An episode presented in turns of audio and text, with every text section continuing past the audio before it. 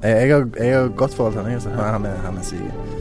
Han, Jeg tar dere imot, dere får kaffe. Nå mista jeg lyden i høretelefonene. Der kom de tilbake. Ja. Ja, det er hyggelig å være her. Jeg er glad i, i podkast som fenomen. Her må ut. hjemme mot Lyngen Karnes gikk de på et litt leit 0-19-tap eh, Oh. her. Hvilken det- divisjon snakker vi? Er det tredje eller fjerde? Fjerde, fjerde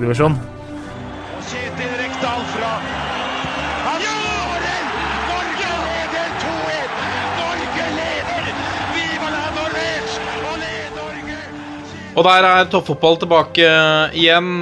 Vi har kommet oss til eh, mai, og nå begynner det å, å lysne litt. eh, Både i denne lange tunnelen, lange mørke tunnelen vi kaller for korona, men også med tanke på litt norsk ball. De såkalte ekspertene som eh, har vært ute og meldt om at ja, vi kan vel se langt etter fotball i 2020.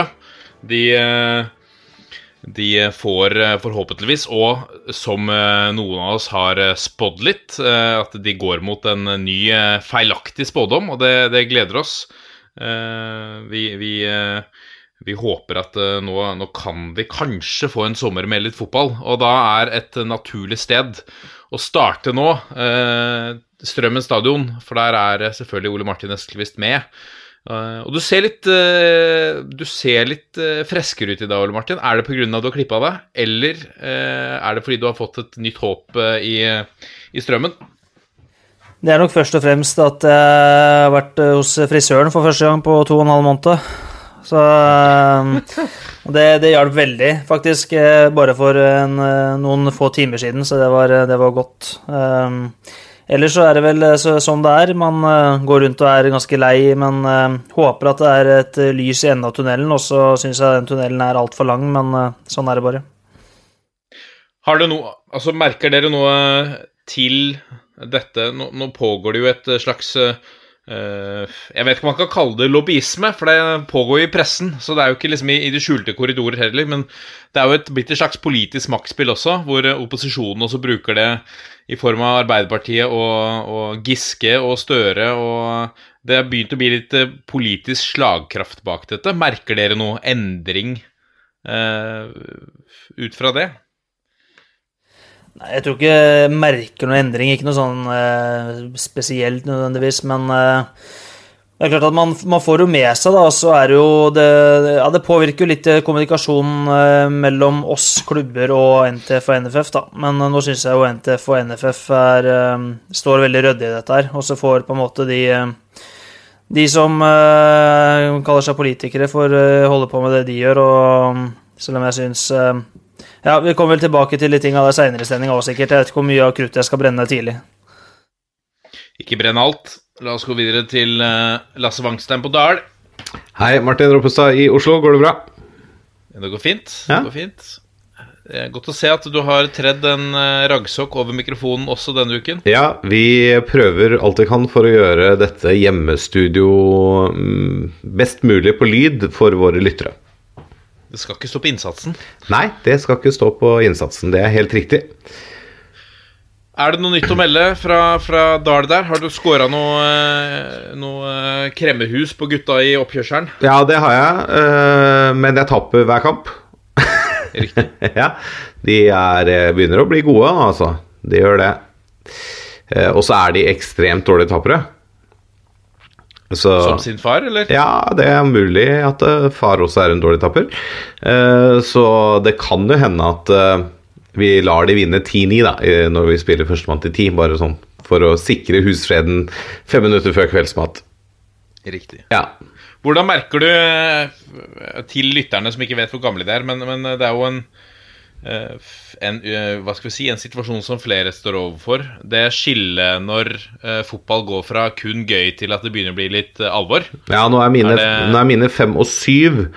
Så han el Det er et stykke. Ja, et stykke igjen til det blir veldig alvorlig. Han eldste begynte jo med litt cuper i vinter. Ja. Og du merker veldig stor forskjell på disse Da var de seks, da. På disse seksåringene. Hvem det betyr mye og, og i fjor sommer òg, for så vidt. Hvem det betyr veldig mye for å skåre mål, og at de vinner kampene. Er veldig opptatt av liksom de tingene. Mens andre er bare sånn Gå rundt og la humla suse ut på banen der, liksom. Eh, Jeg har en sønn som er veldig opptatt av hvor mange mål han skårer, og hvor mye de vant og hvor mye de tapte. Han går litt i kjelleren hvis de taper og sånn, eh, mens mange på laget er mer sånn ja ja. Så det, det, det merker man. Vakkert. Fettsund, Jørgen Kjernås. Her er jeg. Forrige gang vi snakka sammen, så hadde du slått broren din i triksing. Har du hatt noe mer krumspring med en fotball siden sist?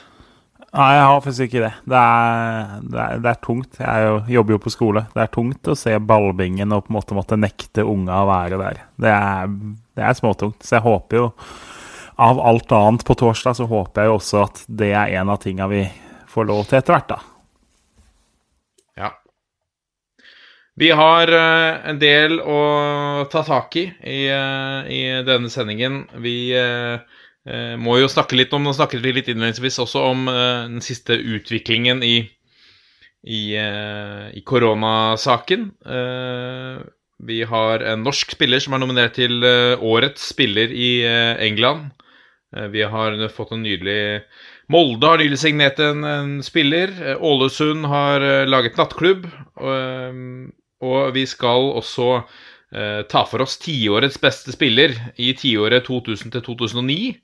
eh, I klubbene Ålesund, eh, Bodø-Glimt og Odd. Som er en start på en, på en serie i, i toppfotball hvor vi skal kåre eh, alle eliteserieklubbenes beste spillere det, dette tiåret, og eh, sannsynligvis da også neste tiår. Eh, så har vi kanskje litt Det er alltid litt sånn eh, usikkert nå. Har vi noe breddenytt denne uken, uh, Kjærås? Nei, det er fortsatt lite, altså. Det, det ligger litt sånn på hylla. Det er lite, men er det noe? Eh, Ikke akkurat nå, men det er jo en halvtime eller noe til vi skal dit, så vi får se om vi klarer å huske noe fra ok, Det er bra tis. ja, det er nydelig. Og så har vi også en eh, rekke lyttspørsmål som vi skal ta tak i. Men nå er det ukens tulipan og kaktus. Nå må de faen meg skjerpe seg. Så kommer jeg å rive hodet av hver enkelt av dem.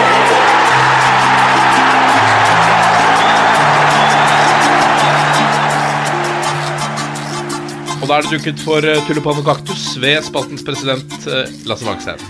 Takk for det. Takk for det. Ehm, jeg begynner med kaktus, og den mistenker jeg at vi skal innom senere i sendingen, så den gjør jeg kort. Det går til kultur- og idrettsminister Abid Raja, som eh, fremstår å være konstant i offside når det gjelder fotballen og idretten akkurat nå. Så kan vi diskutere det mer senere. Og så har jeg lyst til å gi ros til eh, Lise Klavenes i NFF. For hun uh, syns jeg fremstår eh, tydelig og solid i det hun sier om dagen. Eh, og i forlengelsen av det må jo da også NFF eh, få ros for tiltakene og på en måte de prosjektene de prøver å sette i gang for å finne en løsning på dette. Nå er ikke jeg noen ekspert, så jeg vet ikke om alt er riktig og om alt er sånn det bør være, men det virker i hvert fall som NFF nå gjør en veldig innsats for at vi skal finne en løsning her, sånn at vi faktisk, vi som er glad i ball, da, og de lagene som er avhengig av å ha, ha virksomheten sin i drift, eh, skal få lov til å begynne så vidt å jobbe litt igjen. Så det, det er sånn det er denne uken her. Men eh, Raja mente jo at han visste veldig godt hva offside var, og forklarte at han kjente til alle reglene i opptil en rekke idretter. Ja, men jeg, jeg, eh, jeg tror også at uh, Thomas Lene Olsen vet hva offside er, selv om han går i det ti ganger per kamp. Altså Han vet veldig godt hva det er, men du kan fortsatt gå i offside, selv om du vet hva det er. Ja. Så jeg føler han går litt i offside. eh, Han, eh, han er ikke helt liksom på linje med med fotballen, virker det som. eh, Og han fremstår ikke helt som idrettsminister i ordets rette forstand, sånn som han uttaler seg. Og det virker som det blir mer sånn personlig, at det blir liksom sånn personlig eh, Hva heter det? Prestisje i det, enn en noe annet. Ja, det er litt eh, Noen ganger så, så virker det som, eller tanken slår meg at eh, At eh, dersom noen kan slå et slag for eh, for noe som Altså, jo mer vi maser, eh, jo mer eh, liksom interessant er det å se hvor lenge kan vi tøye strikken for fotballen. Det er litt sånn, eh, litt sånn klassisk. Ja, men den, eh, den fin kaktus. Abid Raja er jo ikke her til å svare for seg. Da. Men det gjør han jo i pressen. Ja da, han og så har han sosiale medier hørt, så hvis han hører på, så må han bare svare. Og det er jo på sin rette plass å skryte kommunikasjonsmessig av eh, NFF, for der også har det jo vært litt sånn eh, opp og ned i hva skal vi si, de siste par årene. Ja. Men, men nå syns jeg de, de De har en viktig rolle nå ved å fremstå litt stødige, og det syns jeg de klarer. Mm, mm. Ikke minst også inn mot eh, klubber. Ja, hvor, eh, Kan ikke du si litt om det, Ole Martin? Hvordan har oppfølgingen vært fra NFF og NTF? Eh, Egentlig bare følge opp eh, tulipanen til eh, Lasse. Eh, Lise kan få to tulipaner, en fra Lasse og en fra norske fotballklubber. Det er eh, veldig, veldig bra. Også via norsk toppfotball òg. Men eh, Lise og, og eh, ja, Leif Øverland, Erik Soler og styret i NTF har jo jobba tett sammen gjennom dette, her, og dialogen ut mot oss også er veldig bra. Så jeg syns de står veldig sterkt i dette her. Hvordan har de fulgt dere opp? Altså, det, Hva er det som er bra av det de har gjort? Hvordan kommuniserer de med dere? Det er jo mye video- og telefonsamtaler, eh, mest med daglige ledere. Ehm, Men så har de også nå siste ukene kobla på sportslige ledere, trenere, eh, og har eh, jevnlig dialog med oss. Vi har, en, eh, har noen sånne grupper og noe ting og tang som vi kommuniserer på, som det kommer nesten daglige beskjeder ut på. Og så er det eh, da møteinnkallinger god tid i forkant med tydelige agendaer. Vi får muligheten til å forberede oss godt. Vi får eh, klare instrukser på hva vi bør uttale oss om utad, og hva Lise skal uttale oss om utad, som er uten at de legger noen føringer på det, men mer en anbefaling, som er fornuftig. Så eh, jeg syns ting har vært veldig ryddig. Veldig bra. Det, det kjenner jeg er veldig godt å høre, for det, um, det er vel ikke noe tvil om at uh, fotballen og det øverste organet i fotballen ikke alltid har vært på samme eh, side i boka da, de siste årene. Og om det her, eh, tross alt det negative som er med covid-19 og den situasjonen hele landet er i nå, også for fotballen og Nå er det fotball vi snakker om her, jeg er klar over at det er mye mer viktige ting her i verden enn fotball når folk blir syke og dør og sånn. Men for fotballens del, om dette kan bety at fotballen blir mer samla, så er jo det selvfølgelig en eh, veldig positiv bieffekt av det, da.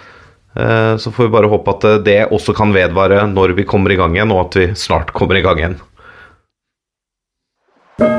Nå kommer pulsen. Og da har vi kommet til pulsen, og vi begynner pulsen med siste nytt fra koronasituasjonen i norsk eliteserie, fordi det jobbes på, spreng med å legge til rette for at eh, det kan gjennomføres fotballkamper eh, med eh, en rekke smittevernhensyn, og blant annet i VG så er det listet opp med NFF som kilde en rekke tiltak som, skal, som NFF har foreslått, som skal da begrense smitten. Og det er litt interessant å høre litt med deg, Ole Martin, om, om dine tanker rundt det. Jeg ser det er noen punkter her hvor, hvor man snakker om at eh, nærmere 200 personer må til for å, for å eh, gjennomføre en, en match. Annet 10 dommere og 30 TV-folk. Kjenner du igjen det fra, fra Strømmen stadion i Obos-ligaen, eller? Eh, Jeg tror jo det er jo et viktig element dette her, at det er stor forskjell på å arrangere kamp på Lerkendal og arrangere kamp på Strømmen stadion. Ehm, Så dette her er jo litt forskjellig fra klubb til klubb. Samtidig så er det jo er nok viktig inn mot FHI, vil jeg tro, at det, er, at det kommer eh, føringer som gjelder norsk toppfotball som enhet, og ikke at du lager 32 føringer, for det hadde blitt for mye. Så, så altså for Strømmen så er jo Eh, 50 personer fra lagene, det stemmer ganske bra. Da har du 25 fra hvert lag. 10 dommere offisielle med kampdelegater og sånn. Der tipper jeg at vi på Strømmen greier å gjennomføre med fire dommere og kanskje en dommerveileder og en kampdelegat, altså seks. Eh, arrangementsstab, kiosk og sånt, noe trenger man jo ikke. Så er det noe sikkerhet og sånn er, er rangert som eget, ser jeg. Så det, ja, vi hadde ikke trengt 30. Eh, 30 TV-folk. Vi pleier å ha tre på kampene våre. Eh, 25 fra øvrige, øvrige medier. Vi pleier å ha to. Fo- fotograf og, og eh, skri- papirjournalist fra Romerikes Blad. Og medisinsk personell, der har jo vi hatt en fysisk koordinator og en lege til stede. Så nå er det jo i utgangspunktet nå så er det jo ikke påbudt lenger å ha lege eller på kampene i Obos-ligaen. Eh, Men det blir jo sikkert innført igjen nå, da, så da må man jo fikse det. Um, 30 vektere og sikkerhet. Vi skulle vi greid oss med fire, tenker jeg. Én i hvert hjørne? Ja. Ja. Ville tro det. I verste fall, så, verste fall så kan jeg ta det ene hjørnet mens jeg leder kampen. Da greier vi oss med det tre. Sånn sett så høres det ut som alle kampene bør gå på Strømmen stadion. Vi skulle fått jo det, absolutt. Ja. Men eh, ja, det er veldig åpent her, da. Men, jeg eh, tenker jo sånn 30 TV-folk, da, det må jo være til de kampene hvor de skal kjøre flerkameraproduksjon. Altså de største kampene i Eliteserien, åtte kameraer, kanskje noe slower uh, osv. Uh, så, så trenger du fort det med buss, da. Liksom, Sitter det noen i bussen, og de er jo på en måte isolert, de òg. Men det er klart eh, det, virker i hvert fall på meg som disse tiltakene er på en måte beregna på worst case, da. Altså de toppkampene hvor det kreves mest mennesker. Og så vil det jo være. Ja, ja. Det er det du må på en måte legge fram. Det er det du må få godkjent. For det, da kan du gjennomføre det, og da er det ikke noe problem å gjennomføre det som krever litt mindre, da, sånn som f.eks. hos dere. Det står også at eh, lagene skal oppfordres til, til å feire individuelt. Ikke da kaste seg om armene på hverandre. Er, er det ikke litt sånn at hvis vi først spiller denne matchen, så Så, eh, så er på en måte eh, Om man er sammen i garderoben og sånne ting, hvor mye vil å avstå fra å feire i Ja, fellesskap? men er det ikke sagt at garderobene skal være stengt? At de skal møte ferdig skifta, så dra og dusje på et nærliggende hotell eller hjemme? Stemmer det. Eh, men, det er, men altså, det er klart, du er jo i huedueller og sånn, så det, du, Ja. står, du står jo tettpakka inne i- på corneret. Altså, du kan jo ikke nekte folk å stappe alle spillerne sine inn i femmeteren på corneret. Så det er vel litt mer sånn symboleffekt, no, noen av de tinga. Sånn som det er å juble individuelt framfor å hoppe oppå hverandre. Tenk deg det om de innfører regelverket at det må være to meters avstand mellom alle i boksen på corner og, og dødballer. Ja, noen av oss holder jo med fotballag hvor man er god til å holde to meters avstand til angrepsspillere. Så ser ikke store forskjellene. Ja, det er sant, det. Endelig litt heder til Hønefoss, da, for uh, hvordan de takler dette. De har forberedt seg i flere år, er det det du sier? Ja, noen, noen er godt forberedt på uh, avstandsmarkering. Men jeg tror eh, Ja, jeg tror jo altså hvis, hvis på en måte man blir enig om at man skal prøve å unngå å feire sammen, så er det et lite offer for at vi skal få lov til å begynne å spille kamper igjen. Og så virker det som at altså det står i laget det skal samtidig oppfordres til å feire individuelt, så har man jo en forståelse om, uh, for at det kan bli spontan glede, og at uh, plutselig det er to spisser som klemmer hverandre uh, i tre sekunder før de kommer på at ikke det er lov. Så jeg tror det viktigste er å bare komme i gang igjen. Og med 200 personer så greier man jo i hvert fall å få gjennomført kamper på det øverste nivået i landet vårt. Da greier man det på Lerkendal, og da greier man det under òg. Så um, største utfordringa for de mindre klubbene er som det også har blitt nevnt her, at, uh, at uh, spillere våre f.eks. er jo jobber ved siden av. Vi har uh, Kapteinen vår er lærer. Så han kan jo ikke isoleres eller være i karantene utenom treninger og kamp. Det er en utfordring og noe, noe man må se på. Og så er jo for så vidt også da en utfordring det å skulle ha lege til stede på treninger og gjennomføre den testinga der. For vi har jo vi har jo en medisinsk ansvarlig klubben, men vi har i utgangspunktet ikke en lege som er pliktig til å møte opp. Og det å plutselig da skulle ha en lege til stede på hver eneste trening er en, er en utfordring.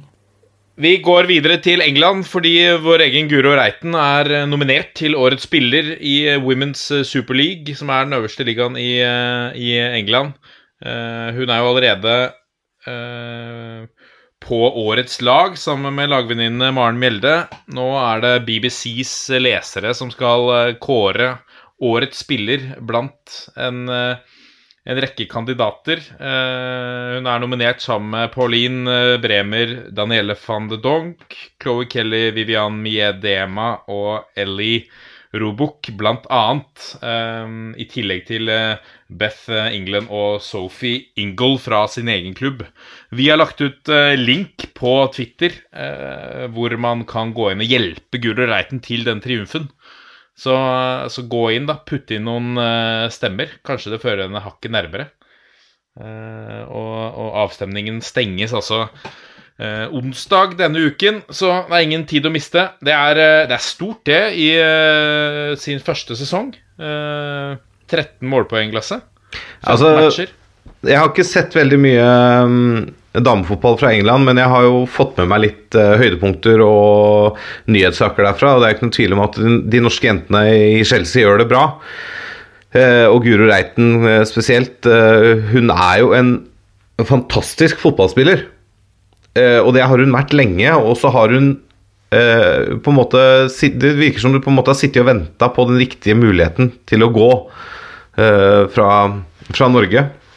Og har på en måte kommet hit og tatt, uh, tatt ligaen med storm. Det er, jo, det er jo kjempegøy. Og det viser jo bare at uh, vi klarer å produsere gode fotballspillere i det landet her eh, fortsatt på damesiden, og det har vi gjort i mange år. Og uh, vi klarer det også på herresiden, det har vi sett det siste året. Så nei, det er, det er en fjerde hatten, det, altså å være nominert i, den, i det selskapet der.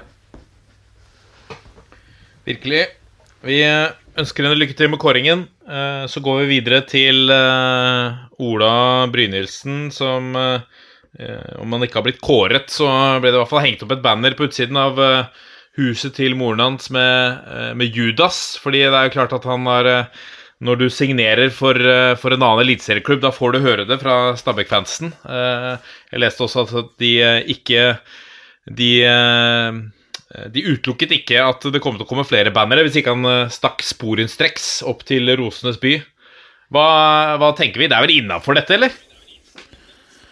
Kjernas? Jeg tar jeg tar ikke veldig på vei i år. Jeg syns jo det er helt klart innafor. Det er ikke noe sånn uh, Klart det er oppløses, sikkert ikke så veldig gøy å våkne opp til, og sånn, men uh, fra et supporterståsted så mener jeg det er helt innafor. Og så syns jeg jo kanskje likevel da at Stabæk-fansen tar litt vel på vei her. Eh, klart de mener jo Fra Stabæk-hold så menes det jo at Brynildsen har ikke vært helt åpen om hvor han skulle videre, og liksom sagt at han har lyst til å forlenge eh, litt lenger enn han kanskje hadde tenkt. Men altså, klubben har en veldig ettertrakta unggutt som har en kontrakt som går ut om to måneder. Da kan det ikke være en kjempeoverraskelse at han velger å bruke den Bossmann-muligheten til å gå til en større klubb. Så eh, jeg kan på en måte til et visst punkt skjønne forargelsen, men mener jo at det først og fremst er Stabæk som har satt seg litt i den situasjonen, da.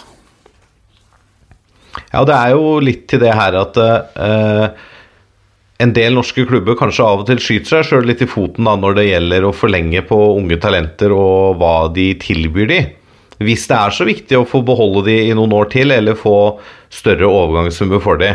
For det er ikke noen tvil om at Brynildsen har vært en spiller som har levert øh, øh, over tid nå, og øh, blir ettertrakta. Og han hadde sikkert på innerst inne ønska seg å gå til utlandet, men Molde, sånn isolert sett sportslig sett, hvis du ser bort fra alt det andre, supportersjargongen og alt som handler om Molde de siste årene eh, Så sportslig sett, Molde er regjerende seriemester, de skal ut og spille kvalik til Champions League.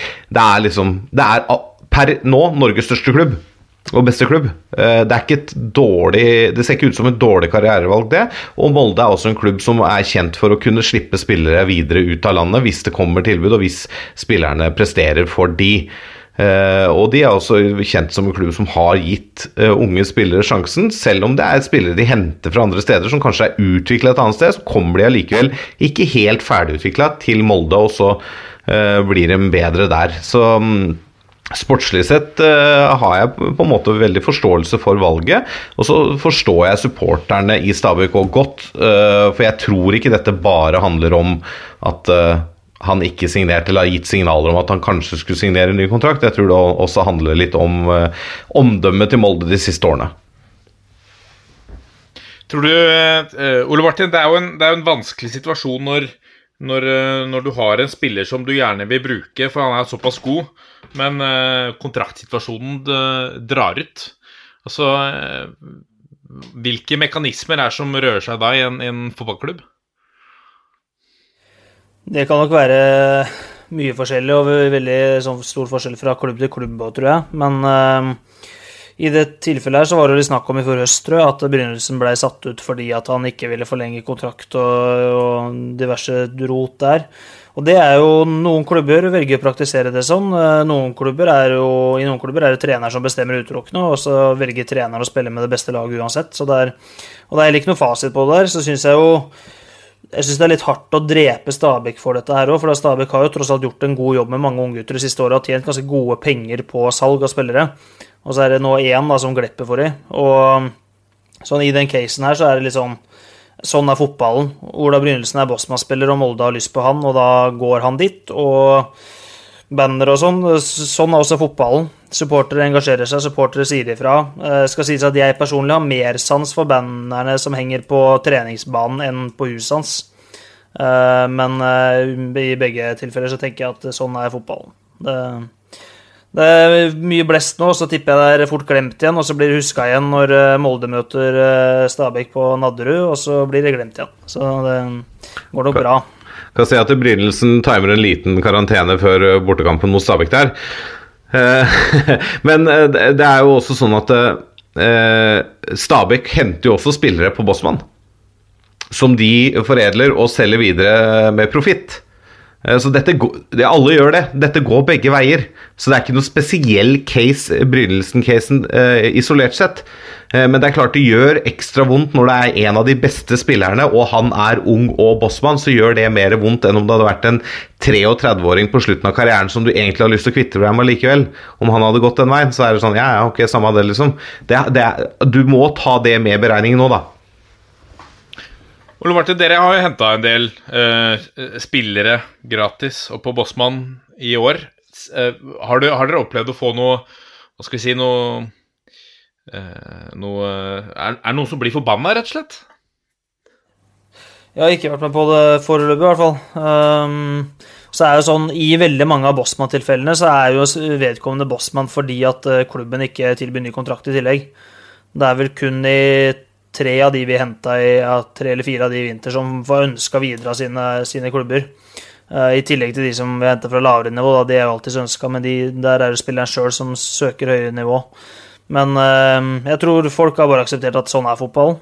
Eh, man skriver kontrakter i to år, og når den kontrakta går ut, så kan Hvis begge partene ønsker å forlenge, så gjør man det. Hvis kun én av partene ønsker det, så blir det sjelden noe. Og det er bare sånn det er. Så um, vi har jo mista spillere på Bossmann nå. Vi mista jo spillere vi i vinter som vi ønska å, beholde. Viktor Grodås og Jon Olav Norheim, to eksempler, som eh, gikk til Kongsvinger og, og Jerv på Bossmann-avtaler. Um, men det er jo bare sånn det er. De ville det i stedet for å være her. Så må jeg jo si Får jeg komme med en spådom til slutt? Jeg tror Altså, Brynildsen er jo god, og altså, talentet er jo ubestridt. Men han har seks og fem målpoeng de to siste sesongene. Jeg tror både Edvardsen og Gall på kanta til Stabæk kommer til å ha flere målpoeng enn det i 2020. Så er fotball vel...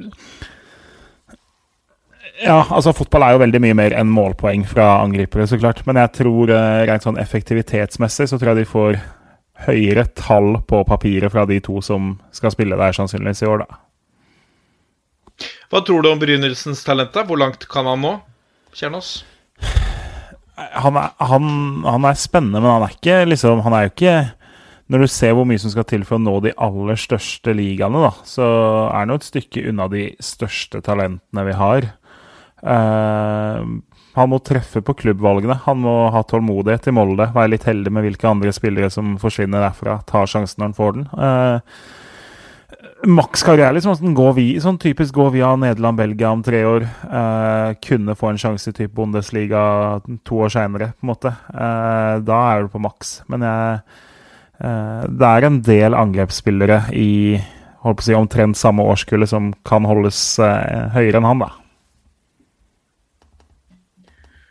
Han går altså ikke han, han går ikke rett inn på laget, er det det du sier? Altså, hvis, du, hvis man husker det Dagbladet-bildet fra Grünerløkka, så var vel det egentlig et bilde av angrepstreninga til Molde i år, tror jeg. Uh, altså, det er jo mange om beinet. Du skal jo ha plass til altså Eikrem er jo selvsagt. Du skal egentlig ha plass til både Leke James og Ohi. Uh, Ulland Andersen er på vei tilbake. Mattis Bolli er der. Eirik Hestad skal spille. Eh, Mostrøm og Knutson skal inn i miksen. Tobias Christensen er et kjempetalent. Eh, Fredrik, Fredrik Aursnes har spilt i ganske mange posisjoner i løpet av vinteren. Så eh, Brynildsen kommer ikke til å starte mer enn maks eh, 10-11-12 kamper i år, tror jeg. Det er, det er jo et helt rått eh, lag offensivt i Molde. Altså når vi, eh, når vi ramser det opp på den måten. Uh, Jeg, jeg vil jo tro at Ole Martin kunne tatt til takke med holdt på å si, både femte, og sjette, og sjuende og åttende valget de har på, i de offensive rollene der. på en måte. Det, da snakker du Tobias Christensen, liksom. Så ja.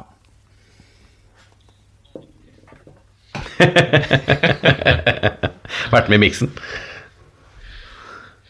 La oss gå videre til en kjapp liten sak. Eh, Ålesund har nemlig laget sin egen nattklubb eh, på, på stadion i form av en splitter ny garderobe med eh, Ja, hva er det her? Det er eh, det? LED-lamper og eh, rødt sånn dust lys over hele. Det er nye puter med blå luksusfilt på, på plassene.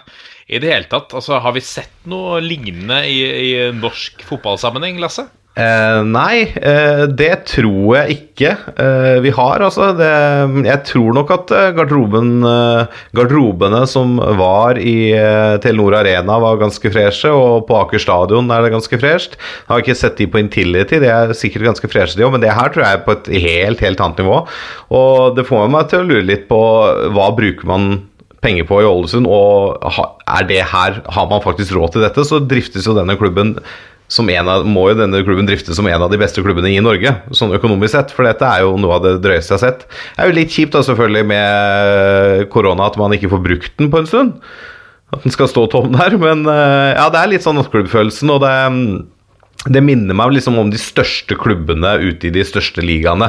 Når du ser liksom eh, bilder fra Santiago Bernabeu, Camp Nou, eh, fra, fra Bundesligaklubber og, og PSG og sånne ting. Så mm, det er, det er drøyt. Men Sånn som denne garderoben her ser ut, så, så er det egentlig en fordel bare å vente. Den bør bare være der, for den kommer til å bli eh, rotete og skitten og stinke svette etter hvert. Akkurat nå så Da mister den litt den nattklubbfølelsen.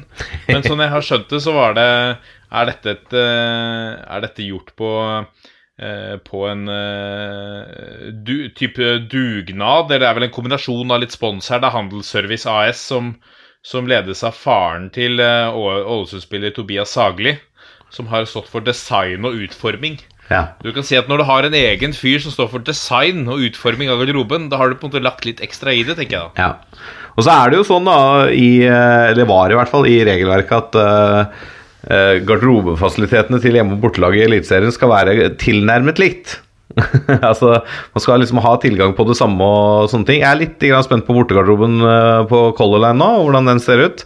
For, for eksempel rett ned gata for Ole Martin, så er det jo ikke tilnærma likt mellom hjemme- og bortegarderoben. For den bortegarderoben til Lillestrøm, den, den er trist, altså. Den er trang er og trist. Det er jo Bortegarderoben eh, på Color Line er eh, ikke like fin, nei. Den er, den, men den er like stor, og den har samme form, holdt jeg på å si. Ja. Sam, ehm, og det har jeg reagert på, for at det reagerte jeg på når vi spilte mot Ålesund i august eh, i fjor. At eh, den, de er jo så avlange, de garderobene. Så når jeg hørte at OFK ÅFK skulle pusse opp garderobe, så tenkte jeg at ja, det skjønner jeg godt, for det er jo fryktelig slitsomt å være trener og spiller i en så avlang garderobe.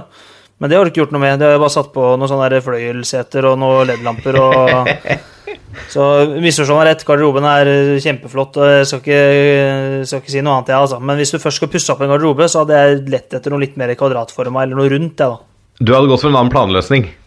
Ja. Ja. Mm.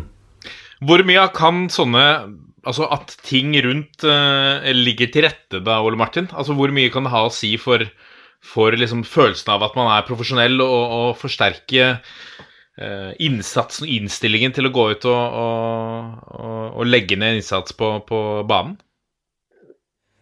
Det der tror jeg kan eh, Altså, jeg, jeg tror eh, alle trenere, inkludert meg sjøl, tenker på den type detaljer. Så jeg vil tro at det definitivt er gjennomtenkt, det de har gjort oppe i, Ålesund. Og så er jo det, det kan jo slå begge her, da. Det at du har den, eh, den flotteste garderoben i norsk fotball, kan jo gjøre at du føler deg litt profesjonell. Du føler at du har noe har noe å gjøre ute i Europa, at du skal spille på noe, på noe større arenaer. Men det kan også gjøre at det blir fryktelig komfortabelt å sitte der inne mens de andre varmer opp, da. Så det, det er jo Det er ganske hårfint, det der. Så um, vi Vi på Strømmen for eksempel, vi har brukt nå siste par helgene til å pusse opp benkene våre litt på stadion. Og det har jo har vi vært en dugnadsgjeng som har holdt på å snekre her. Og da har jo vi også vært bevisste på det underveis at vi skal ikke gjøre de så behagelige at det er populært å sitte der. Så det, det er jo mange forskjellige strategier på Ja, Rekaro-sete på benken og sånn. Ikke sant? Det ser ut forbi. Det er sånn semigodt pussa plank som gjør at hvis du gnir deg litt for mye, så får du flis. Ja, ikke sant. Du ser jo på Aker stadion, det er kanskje derfor de kan ha så bred stall. da. De har veldig gode seter på benken. Så det er liksom greit nok å sitte her. Ja, det kan godt, det kan godt være. Jeg tror vel i sånn utgangspunktet at eh, det er sånne smådetaljer. Men eh, alle detaljer har noe å si, da. Det tror jeg de fleste fotballtrenere tenker, og at alle sånne småting utgjør noe større. Kanskje dere skulle prøvd med litt eh, en stressless eller, eller fem på, eh, på pressetribunen, Ole Martin, så det kom litt flere journalister og, og rapporterte? Det er et eh, godt eh, tips. Det, vi har ikke råd til stressless, men de kan jo få lov til å ta med seg sin egen, da. Ja. Det kan- kan vi åpne opp for. Nå er det jo ikke lov å servere mat til pressen lenger, så nå kommer jo ingen til å gidde. Altså, Det var jo halve motivasjonen min for å gidde å dra på Lerkendal. eh, Eller en tredelt motivasjon. Det var jo å få lønn for det, eh, se fotball og spise eh, smultringene som de serverte til pressen. Så Det er le- lenge siden det har blitt servert mat, i hvert fall sånn Åråsen f.eks., hvor en bagett, tørr bagett uten smør og litt én skive gulost fordelt på en lang bagett, det er liksom det du får. Eventuelt noe Mariekjeks. Ja, nå, jeg var jo selv, altså Da jeg var på Lerkendal, så kjørte jo juletallerken og sånn på de her uh, Europaliga-matcha. Så da var det liksom ribbe og medisterkaker og sånn i pausa. Så eh, alle håpa at det ikke skjedde noe de første fem minuttene av annen omgang, for å si det sånn, da. Jeg har spist VIP-middag på Lerkendal én gang. Det var i 2018, tror jeg. Ehm, Da var vi der oppe, for eh, faren til eh, kjæresten min fylte 60, og han er Rosenborg-fan, så vi tok ham opp. Og Da ordna vi med Stig Inge Bjørneby oss noen VIP-billetter, og jeg mente Stig Inge sa at vi skulle inn på Sparebank1-losjen. Så vi gikk opp og inn på Sparebank1-losjen, satte oss ned, og det var servert flott middag greier, og vi tok på tallerkenen og satt og prata med de andre der og syntes dette var helt topp. Og så etter å ha spist en god porsjon og tatt et par eh, eh, brus og jeg et par øl og sånn, så um, fikk vi spørsmål om hvilken sparebankfilial jobber dere i. og da viste det seg at det var bare for sparebankansatte. Så vi hadde sittet der og spist på Sparebankens regning og fikk beskjed om at vi måtte gå dit vi skulle være, og gikk ut. Og der var det jo ikke middag, men eh, Sparebanken hadde veldig god, veldig god mat. Men det er jo øh, det, Du ser jo det på Twitter av og til, og folk snakker jo om maten på de forskjellige stadionene. Eh, pressemat er én ting, og så er det mat til TV-crew. Eh, og der er også er det jo mye eh, Mye varierende nivå, da, for å si det sånn. Det er fra de litt eh, kjipe pølsene omtrent til eh, noe takeaway-pizza til eh, ordentlige måltider, da. Eller til, ja, så det er, det er mye, mye forskjellig ute og går, og mye, hvor mye man legger i det. Dette er toppfotball. Og da har vi kommet til et uh, spesialsegment av toppfotball som blir en føljetong, uh, uavhengig av om serien uh, starter og, og er rett rundt hjørnet, så er det uansett viktig å se nærmere på de viktigste, eller beste spillerne i forrige tiår, fra år 2000 til 2009. Eh, vi skal ta for oss alle klubbene i Eliteserien, og vi begynner denne uken, eh, som nevnt, med Ålesund med den fresheste garderoben. Eh, det hadde de ikke da, fordi at halve dette tiåret så var de på, på Kråmyra. Eh, med det sagt, eh, Lasse. Eh, Ålesund på Kråmyra. Nå er de på Color Line stadion med nattklubb som garderobe, men Kråmyra, det var noe helt spesielt. Ja, det var jo Altså, det, det var noe sjarm med den der banen oppe på hylla der. det, med de bratte bakkene rundt og Altså, det er jo For oss som begynner å bli litt eldre, så er jo på en måte det Det var jo en del av toppfotballen, det. Litt sånne halvfalleferdige tribuneseksjoner og eh, litt humpete matter og litt eh, eksotiske eh, plasseringer. Men det er klart Ålesund sitt hopp ned, da, siden det er geografisk eller sånn i høydemeter, i hvert fall til Color Line Arena, er jo et meget høyt steg opp, og i hvert fall nå med den nye garderoben. Altså de, der har det vært utvikling de siste 20 årene. Kjernås, du meldte tidlig at vi kom til å være mye uenige i denne diskusjonen. Uh, vil du eh, kickstarte ballet her med, med noen kandidater til de eh, beste spillerne i forrige tiår? Ja, altså Ålesund er jo et par som altså, Jeg må jo si først at i en sånn kåring så er jo den vanskelige avveininga er jo de som har vært ganske gode i sju, åtte, ni, ti år, målt opp mot de som har vært veldig gode i to-tre sesonger, da. Det får vi jo kanskje litt bedre eksempler på, bl.a. på Odd, i hvert fall. Uh, på Ålesund er det jo veldig vanskelig å komme utenom Amund Shiri, Trond Fredriksen og Tor Hogne Aarøy. Som jo, hvis du skal tenke på på en måte tre spillere som uh, personifiserer Ålesund og at de endelig nådde Eliteserien, så er det jo de tre ansiktene man tenker på. Alle har vært gode, alle har vært klubbspillere. Uh, alle har bidratt lenge. Så er det jo andre kandidater òg, men eh, jeg mener det er de tre første navnene vi må kaste i kurven. Jeg er jo helt enig med Shiri. Han er jo, eh, var jo en klubbspiller, selv om han hadde det ene året i, i Vålinga, eh, hvor han vel da sa at det var på en måte hans proffeventyr. Og så dro han hjem igjen. Men jeg har også lyst til å nevne Johan Arneng i den miksen her. Eh, for det, ja, jeg syns han Svenske? En svenske. Det er lov, det? Ja, ja. Ja. Uh, han var jo uh, flere år i Ålesund på slutten av eh, 2000-tallet, da. Og en meget solid eh, midtbanespiller. Eh, en eh, ja, god med ballen, eh, sliter eh, spiller du kunne stole på, rett og slett. Så han har jeg lyst til å ha med. Og så kom jo faktisk eh, Anders Lindegård til Ålesund i det tiåret. Og det er jo, da er vi jo litt på det der var veldig god i en kort periode. Men han er liksom litt sånn i parentes, fordi er, han er vel mer med pga. at han ble solgt for veldig mye penger og har fått en decent karriere etterpå, da. Ja. Neste har du noen uh, S i ermet eller jokere oppå hatten her som du vil uh, komme med? Jeg har de samme tre, og så har jeg jo ref eh, det Kjernås sa innledning, innledningsvis her, med vurderinga på vært veldig god i korte perioder, eller sånn passe god i lange perioder. Da. Så har jeg Morten Mollskred, som skåra 16 mål for det i 2004, og som var eh, en veldig viktig angrepsspiller for det i det momentet de etablerte seg som en eh, Etablerte seg som en jojo-klubb, hvis det går an å si. Når de etablerte seg ved den topp 20-bolken i Norge. Ehm, og så er jeg med annen keeper, har man Aidin Brown. Men det kan være fordi at bare jeg husker han som en veldig bra keeper, som var litt annerledes og som var solid for dem. Og så har han jo skåra mål på Lerkendal, og det ga et ekstra poeng der.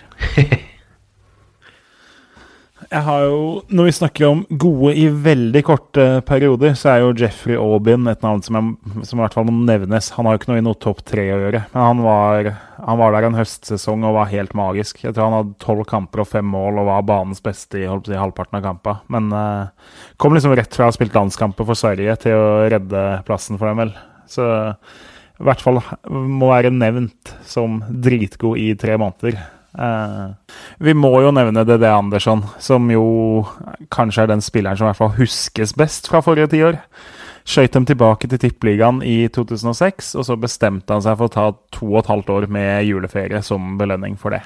eh, og da var jo NRK oppsummerte i 2007, så hadde de overskriftene 'DD Andersson snart på plass'. DD Andersson risikerer sparken. Eh, DD Andersson får ikke sparken foreløpig. Eh, DD Andersson ute av OFKs lønningsliste. Før da DD er på vei tilbake? Spørsmålstegn. 4. april, da har det gått en måned. DD er tilbake. Og så, fire uker senere, DD reiser hjem til Brasil. Året etter, ingen DD Andersson nå heller. Før han kom tilbake i 2009, var med på noen treninger under Kjetil Rekdal, og man vel ble enige om at eh, to og et halvt år på stranda, det var ikke helt det Rekdal ønska seg. Så hvis vi skal kåre største legende, så er jo det, det Andersson legenden over alle legender fra det tiåret. Men eh, kanskje ikke nødvendigvis bare positivt. Det høres ut som en rekke med eh, titler på barnebøker. DD er tilbake. DD kommer kanskje det, det. Det, det reiser bort. Det er det ut av ÅFKs lønningsliste. Jeg tror ikke det er noe bestselger i klassen to til fem år, men Eh, Det er, en, eh, det- er en fresk liste, da. Spørsmålet nå er om vi skal enes, eller om vi skal lytterne stemme over det. Kan vi, ikke, Vi kan kan vi ikke legge ut fire alternativer som lytterne får lov å stemme på, da? Ja. Vi har vel i hvert fall to klare kandidater, som er Amund Shiri og Tor Hogne Aarøy, vel? Ja, og jeg syns jo kanskje Trond Fredriksen skal få lov å være med i den miksen der, selv om han snudde ræva til. Stemmer det. Han er, han er, han er veldig godt kjent for å ha snudderæva til, han, Ja. faktisk. Da var Kjetil Kjetil Rekdal sint. Ja, men vi må, vi må snakke litt om Tor Øyne Hogne Aarøy òg, da. 2.04. Eh, eh, han omtales på Wikipedia som en av verdens eh, høyeste fotballspillere. Eh, det må han jo være. Eh, altså, han øh, Han var jo på en måte på et, på et tidspunkt som jeg husker Han var litt sånn over toppen. Så ble det også da Drillo i Drillo 2 øh, så ble det diskutert om Spekulert om han kom til å ta med seg Årøy også. Han uttalte også at han hadde lagt sin eh, elsk også på, på eh, den lange stelken fra, fra Spjelkavik. Um, Han skårte jo greit med mål òg, og hadde vel en ganske avgjørende skåring i cupfinalen der, så Men det var kanskje i 2000 Var det i 2009? ja, han, han ble kalt inn eh, Han ble jo kalt inn til Tysklandskampen i 09. Måtte melde forfall for han skulle bli far. Ja, stemmer. Så, um, så det, det skjedde ingenting der. Og så gikk han jo til uh, Det syns jeg også er Det var heller ikke så veldig sånn Hva skal jeg si, Det er alltid litt overraskende når norske spillere velger klubber ganske langt i det fjerne Østen. som han dro til uh, Jeff United i japansk andredivisjon. Men samtidig tenkte han herje der mot, mot et uh, I en liga med, med spillere kanskje med gjennomsnitt som er en halvmeter lavere. Det var litt å ta i, men, uh, men er en helt utrolig spiller, altså Tor Hogne Aarøy. Det er fun fact, holdt jeg på å si. Jeg har en kompis som var i militæret med Tor Hogne Aarøy. Og han fortalte at det var verdens lateste type. Han hadde liksom null interesse av å yte eh, når det var fysisk. Han var bare dritlat og likte å ligge på senga eh, og spise godis. Så det at han blei eh, toppfotballspiller, er jo egentlig i seg selv ganske utrolig. Det er snakk om å makse potensial og, og hva er det heter, spisskompetanse. Det er alltid gøy å lese litt på Wikipedia. Noen ganger så kommer man over litt sånne Enten så er det folk som har lagt inn noe kødd, eller så eh, er det en klokkeklar, eh, god referanse. Eh, her står det hva han har holdt på med etter eh, 2014, da han la opp. Så vendte han tilbake til Spjelkavik, hvor han var assistenttrener. Og så har han også jobbet som skomaker, ifølge Wikipedia. Og der står det i parentes 'trenger referanse'. Det er altså ikke noe Jeg er foreløpig ingen troverdig kilde som kan si at han har jobbet som skomaker, men det står altså på Wiki. Ja, det er, det er riktig. Men det han derimot jobba som, eller ikke jobba som, han var jo faktisk reservekeeper eh, opptil flere ganger for Spjelkavik eh, mens han var trener der. For det, det hender jo titt og ofte at uh, tredjevisjonsklubber reiser uten reservekeeper når de skal på lange turer. Så 2018 så satt han på benken i ganske mange kamper i Oslo-området for dem. Kom dessverre aldri innpå, men uh, var trolig klar med keeperhanskene, da. Klasse. Jeg må også nevne Amund Shiri med en avgjørende straffa i cupfinalen mot, uh, Molde. mot Molde. For å liksom krone hans karriere på en eller annen måte. Ja, det var 2009 for det Fredrik Karlsen, som uh, var i Vålerenga og ble cupmester 2008, ble cupmester for Ålesund året etter. Og fikk rødt kort i den finalen. Det stemmer. Da har vi tre. Hvem blir den siste? da? Vi har nevnt Arneng, Lindegård, Molskred, eh, Adam Brown og uh, DD Andersson. Det er fristende å opp inn. Deli Andersson. Hadde vi kalt det legende, så mener jeg han skulle med sånn helt seriøst. Men når vi skal kåre beste spiller, så, så skal han jo ikke det. Så ja, altså, Lasse Olsen er jo et navn òg, men det Ja. Det, Ja, slakteren. Det er litt gøy å ha med Aiden Brown, da, er det ikke det? Han, eh, Jo, det er gøy. han så så sykt keeper ut, liksom. Hvis det sånn Så sykt amerikansk òg. Ja, han så ut som en amerikansk keeper. Eh, Ja. Det er bra. Brown eh, kommer inn på den lista. Skal kåres på, på Twitter. Vi går videre til, til Bodø-Glimt. Um, hvor, eh, hvor vil du starte nå, Ole Martin? Det er vanskelig å ikke starte med Runar Berg. Ja. du, så er det, jo, det er jo andre navn som på en måte dukker opp i dette her. og Bengt Seternes og Stig Johansen er to som jeg kobla på der. Men eh, ja, Runar Berg er eh, må vel vinne dette her. Han er jo en av de beste fotballspillere, i landet i denne tidse- tidsepoken her. Så den er vel grei. Ja, han er, han er vanskelig å komme utenom, og han må nok inn i avstemningen. Eh, og Jeg er også enig i Sigurd Hansen og Bengt Seternes, eh, som på hver sin måte var fantastiske spillere. Men jeg har også lyst til å nevne Trond Fredrik Ludvigsen. Som var veldig god for Bodø-Glimt i, i det tiåret der. Og hadde, fikk vel noen landskamper òg, gjorde han ikke det? Nå ble jeg usikker. Nei, han er vel i toppen, i hvert fall på, på, eh, på U21-landslaget. Så Ja. står han vel fortsatt blant de som er flest U21-landskamper. Ja, men i hvert fall han var eh, fantastisk i ung alder. Han klarte vel ikke å makse karrieren eh, til han ble 7-38, men eh, han var veldig, veldig god tidlig. Eh, og er en spiller jeg husker veldig godt fra det tiåret i Bodø-Glimt. Eh, en spiller jeg hadde veldig, veldig sansen for. Eh, og så har jeg også skrevet opp Jan Derek Sørensen som var en tur innom Glimt eh, i det tiåret, og er jo en veldig Bodø-Glimt-Rosenborgs eh, spiller. som 4-3-3. eh, passer godt, og han Altså Sånn jeg husker Derek, da, eh, både fra tida i Lyn og da den, den lille perioden han var i Vålerenga, og, og i Glimt og Rosenborg, er at han, han sjelden hadde veldig dårlige kamper. Han var som regel ganske solid. Uh, Lynvingen. Så han også må, syns jeg må vurderes. Og så skrev jeg i parentes André Hansen, som etter hvert gikk til Helenfen. Han, eh, han også var en eh, dyktig fotballspiller. Jeg, hadde, jeg skulle til å nevne han. Han var jo veldig god og var viktig på midten der sammen med si, ikke brødrene Berg, men Christian Berg og Runar Berg, som vel ikke er i slekt i det hele tatt. Da de eh, Det ble jo sølv i serie og cup vel i 2003. Da var vel det en midtbanetrio som herja bra.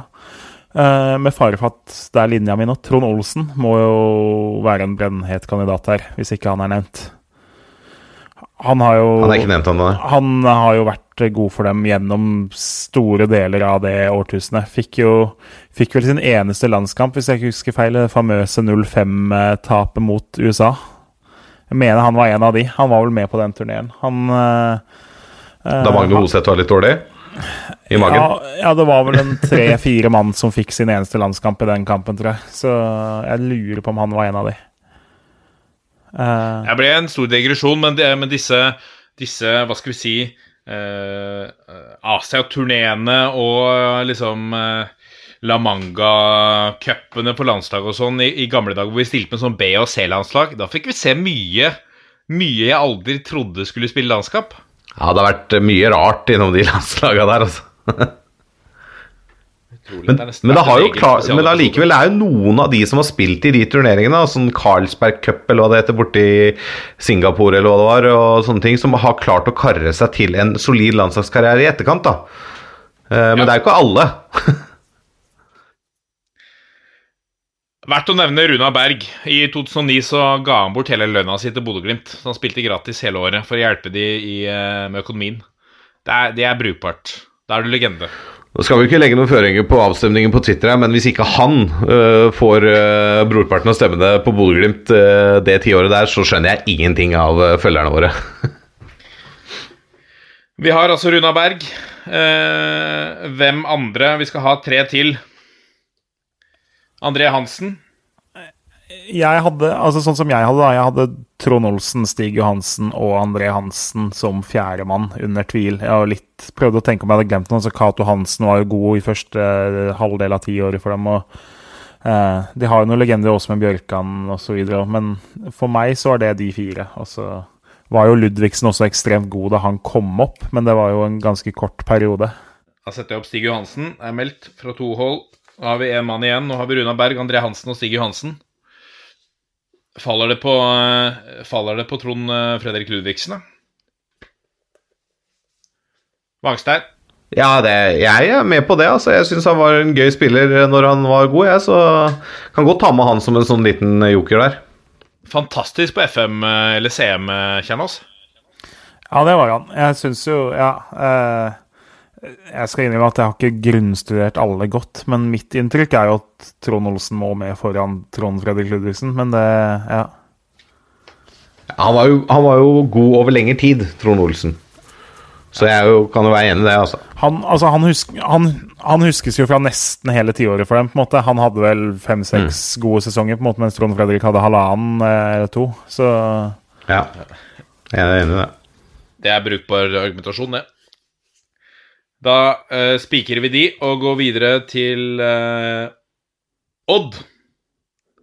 Uh, og der er det ett også soleklart valg, i hvert fall for min del, og det er Morten Fevang må med på en liste som dette. Nest flest kamper i klubbens historie. 400 og, Rett i underkant av 480 kamper, er det vel?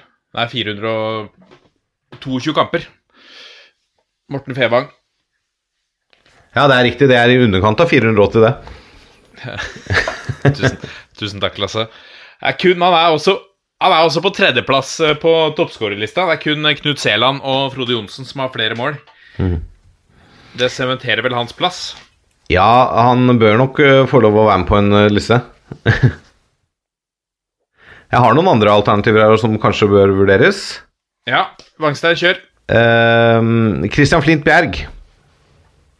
Han øh, syns jeg, han danske midtbanespilleren, han syns jeg var øh, en god en god, solid bidragsyter på det Odd-laget i dette tiåret.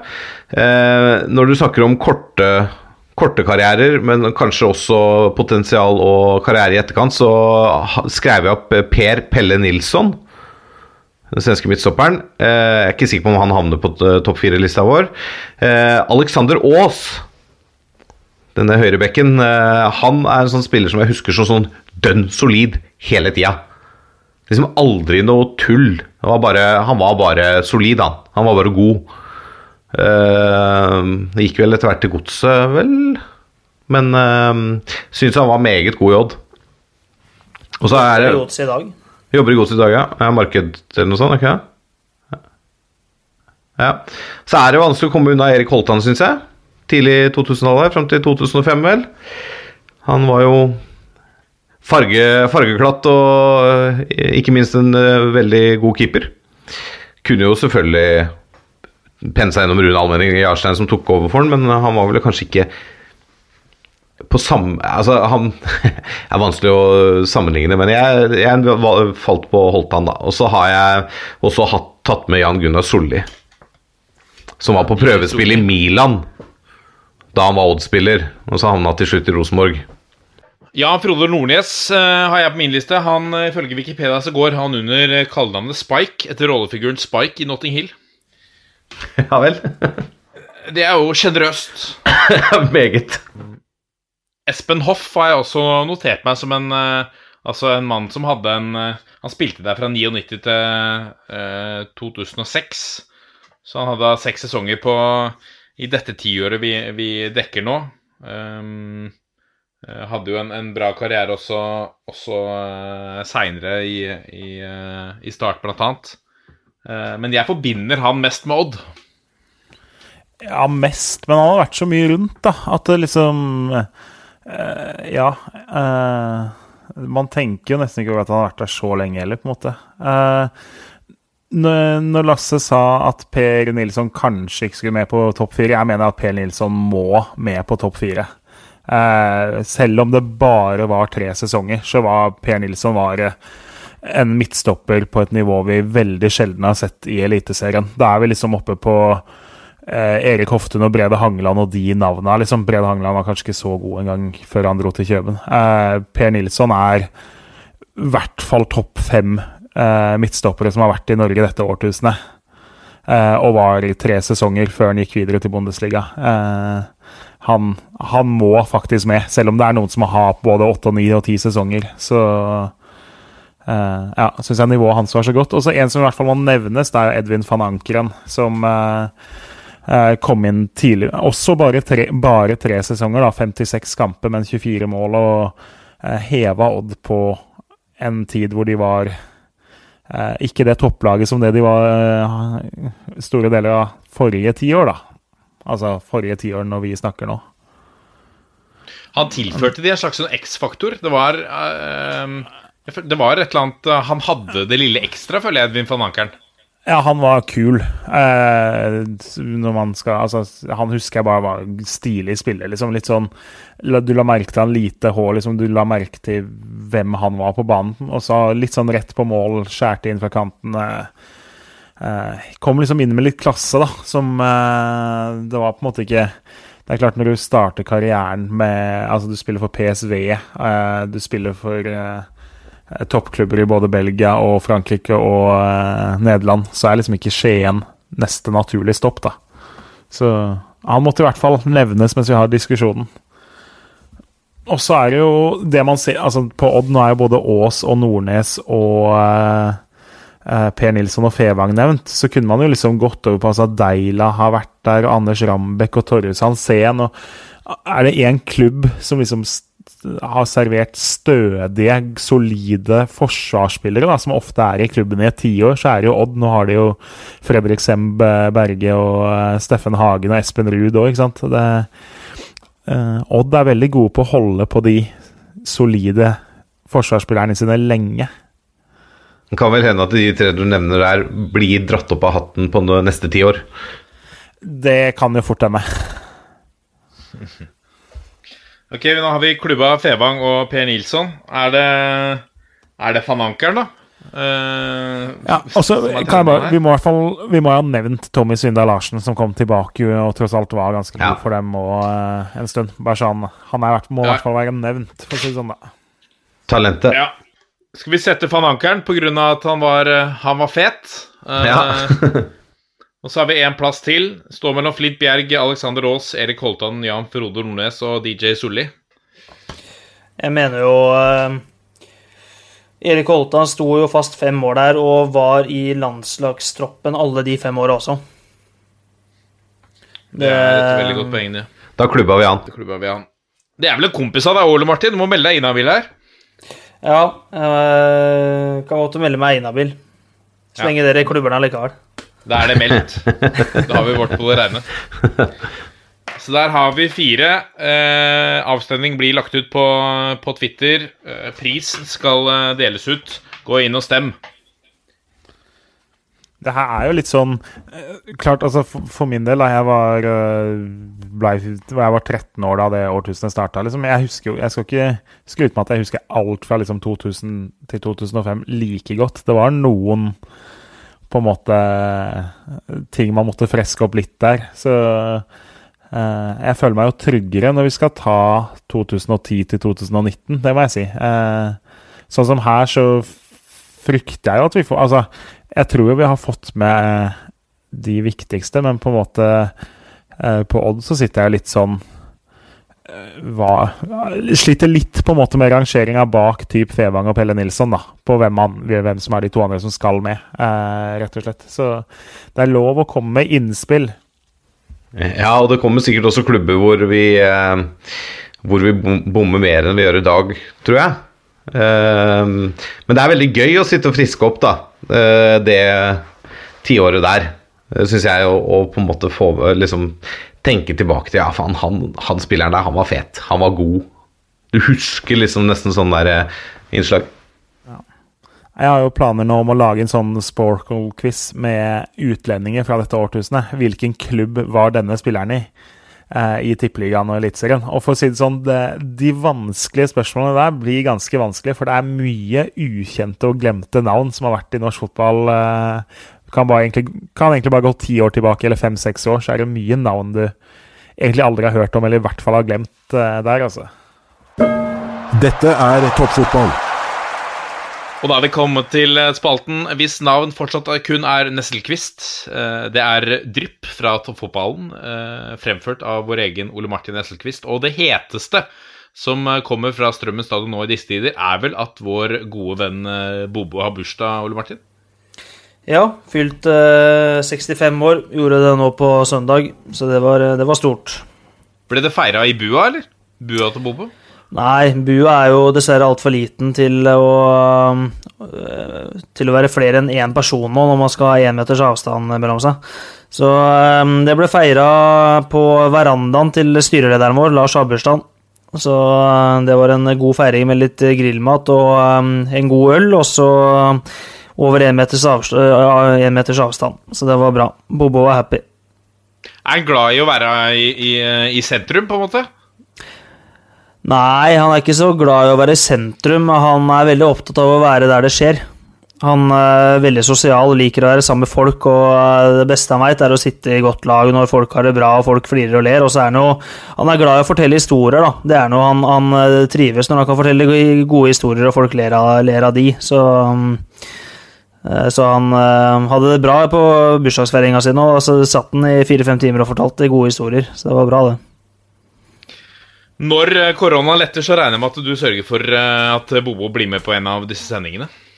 Ja, det må vi prøve å få til. Han er jo ikke så glad i media og sånn, så jeg driver liksom og jobber med å overtale ham litt til det. da, Og så um, kan det hende at vi må være flere materialforvaltere for at det skal uh, skje. Vi har jo en lagleder som er veldig glad i å være i media. Han har meldt seg frivillig til å være med. Men jeg vet ikke om jeg skal utsette dere for det. Men uh, vi, skal få med Bobo en eller annen gang. Det skal vi få til. Altså et, En historiebonanza med en ordstyrer der, det hadde jo vært eh, Høres eh, fantastisk ut.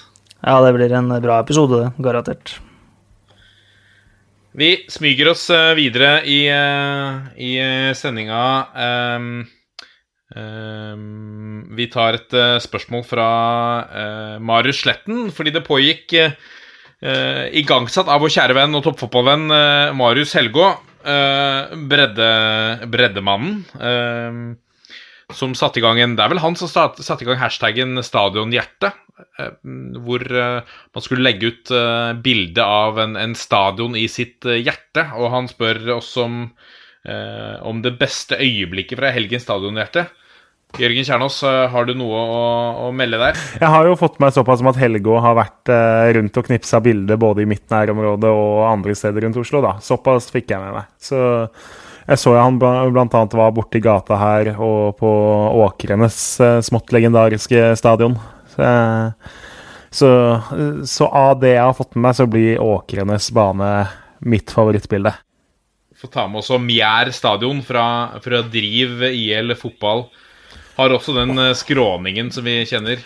Den er fin. Der, der har jeg en av mine beste kamper. Det er ikke så mange av de. Der var jeg dritgod en kamp. Det var riktignok tredjedivisjon junior, da, så det var jo på sånn jalla-nivå. Men uh, det er en av to-tre baner hvor jeg liksom husker fra karrieren min at der var jeg sykt god i, uh, i kamp, faktisk. Men Driv IL, hvor er vi da?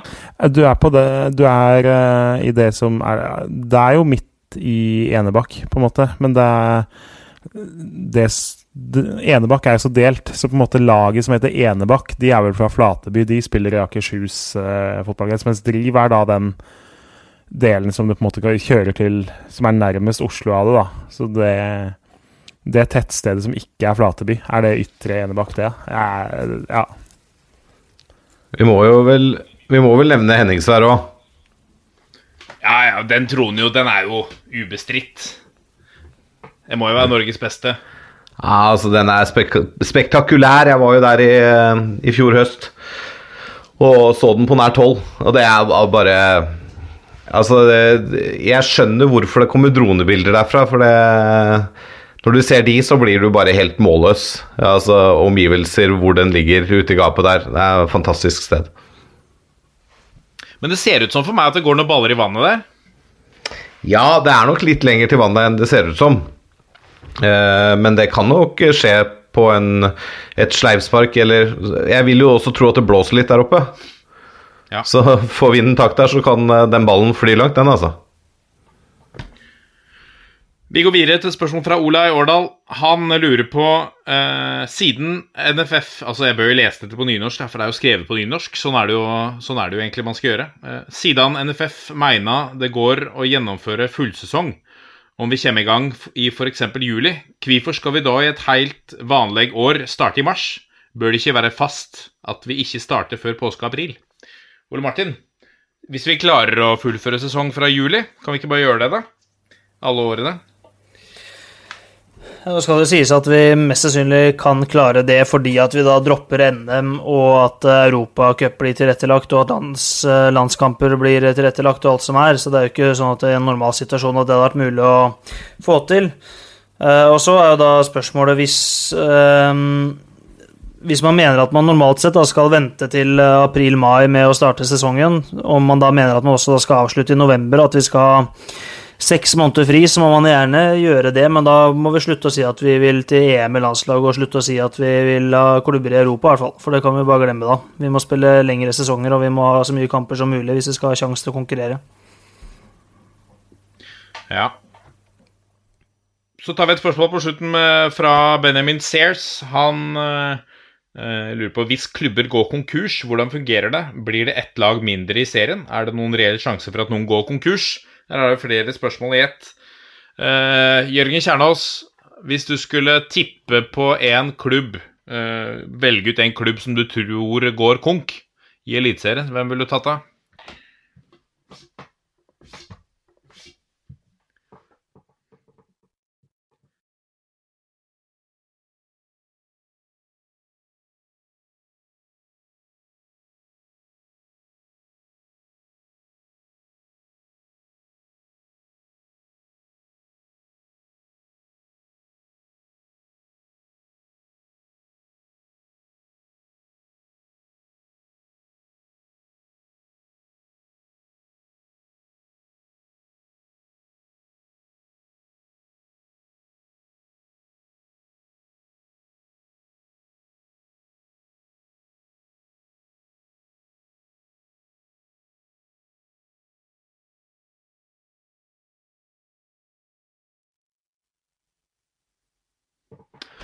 Absolutt. Det må jo nevnes den fantastiske oppslutningen eh, og, og ideen de har eh, eh, dratt i gang i, i godset, hvor du eh, kan som privatperson kjøpe en murstein eh, for 1500 kroner, og som bedrift må du ut med 5000.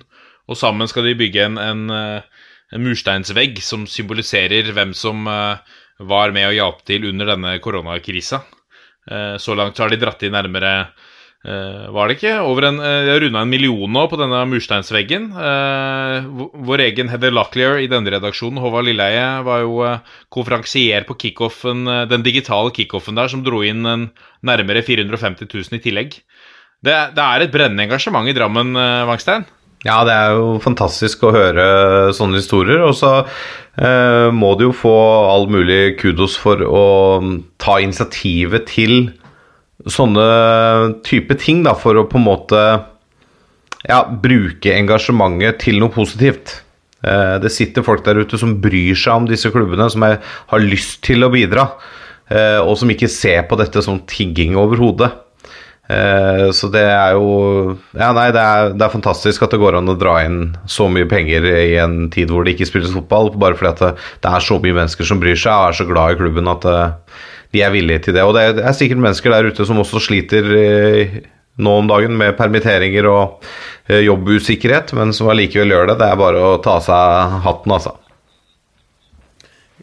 Kan jeg komme med en liten ting på det? For altså, Det er jo en ting som er underspilt i den her eh, debatten hvor Raja og Giske og sånn er. Det er jo Altså, fotballen er dritviktig for de som lever av det. Eh, og fotballen er jo enda viktigere, på en måte, altså med tanke på barn som har det som aktivitet, og som har det som sosialt samlingspunkt, og ikke minst som har det som mestringsarena. da.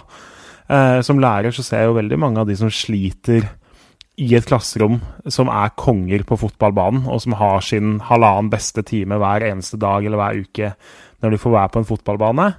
Og så de som er enda mindre tenkt på, er jo alle vi som faktisk er glad i fotball. Det er klart, i en tid som det her, så skjønner jeg på en måte at fotballsupportere liksom ikke er så høyest på rangstigen, men altså det er hvor mye en fotballklubb betyr for så mange. Det ser man jo i disse tider når folk kjøper virtuelle pølser eller billetter til matcher som ble spilt for ti år siden, eller som bruker tusenvis av kroner på en murstein, selv om de kanskje er permittert selv og knapt liksom har råd til de tinga du er vant til å ha rundt deg. Så altså, hvis det kommer noe godt Eller det kommer jo sannsynligvis en del andre ting som er smågodt ut fra denne perioden, men altså å se hvor mye fotball betyr for folk, det får man virkelig vist nå, da. Eh, gjennom de klubbene som også er gode og kreative på måter å få inn penger eh, på i disse tider.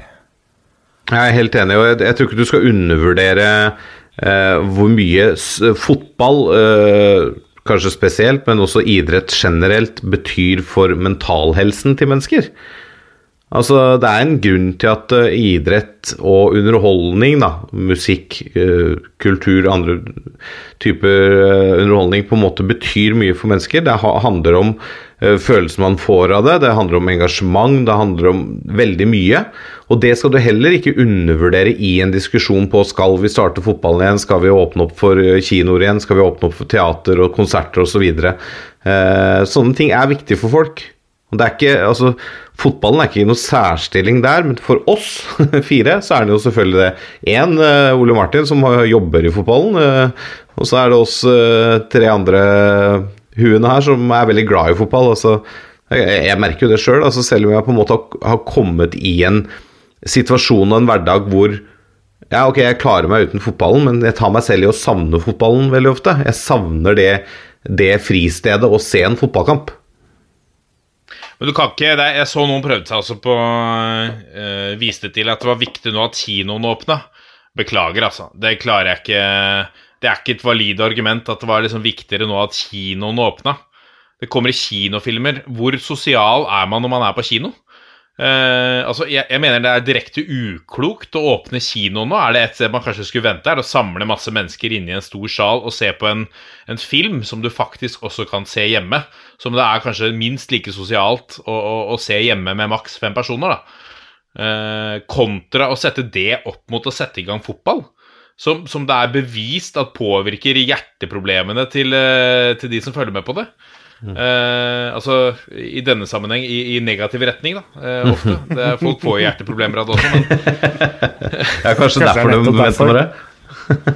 At vi vil se at det går ned. Nei, men eh, for pokker, da. Det er det, Dette betyr mye for folk. Altså, du har folk som vier hele det, det, sier sitt når du har folk som vier hele livet sitt til å jobbe på dugnad for klubben de elsker. Altså, da sitter, det er, dette betyr litt mer, da enn en, en, amerikansk film som blir vist på et lerret.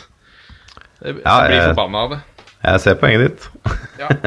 Men dette kan jo ikke være vanskelig nå. FHI har jo sagt at, eh, at dette ser bra ut. FHI godkjenner oppstart av elitefotball. Eh, og da er det jo bare å gjøre det. Det betyr at eh, masse folk som er friske, kan begynne å jobbe igjen og kan tjene pengene sine på den riktige måten og slippe å, å ta penger av staten. Det betyr at folk får noe å engasjere seg rundt igjen, og folk får noe å følge med på igjen. Så dette må jo bare løse seg på torsdag. Jeg kan ikke skjønne noe annet. Det tar litt tid, fordi at uh, de jobber med å få klar sånn eh, snor som Abid Raja skal, skal, klippe over for å erklære det som åpna igjen. Så den er klar, den på torsdag. Det gleder vi oss til. Ja, det er bra. Dette var en ære som alltid, mine herrer. Uh, vi er eh, plutselig tilbake. Nå har vi startet denne føljetongen. Så I neste episode så er det tre nye klubber som skal til pers. Eh, enn så lenge så gå inn på, på Twitter og stem fram eh, den største legenden i Ålesund, Bodø-Glimt og Odd i forrige tiår.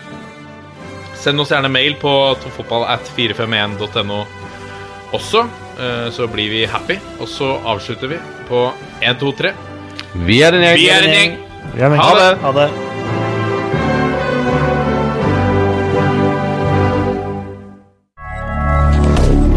Moderne media.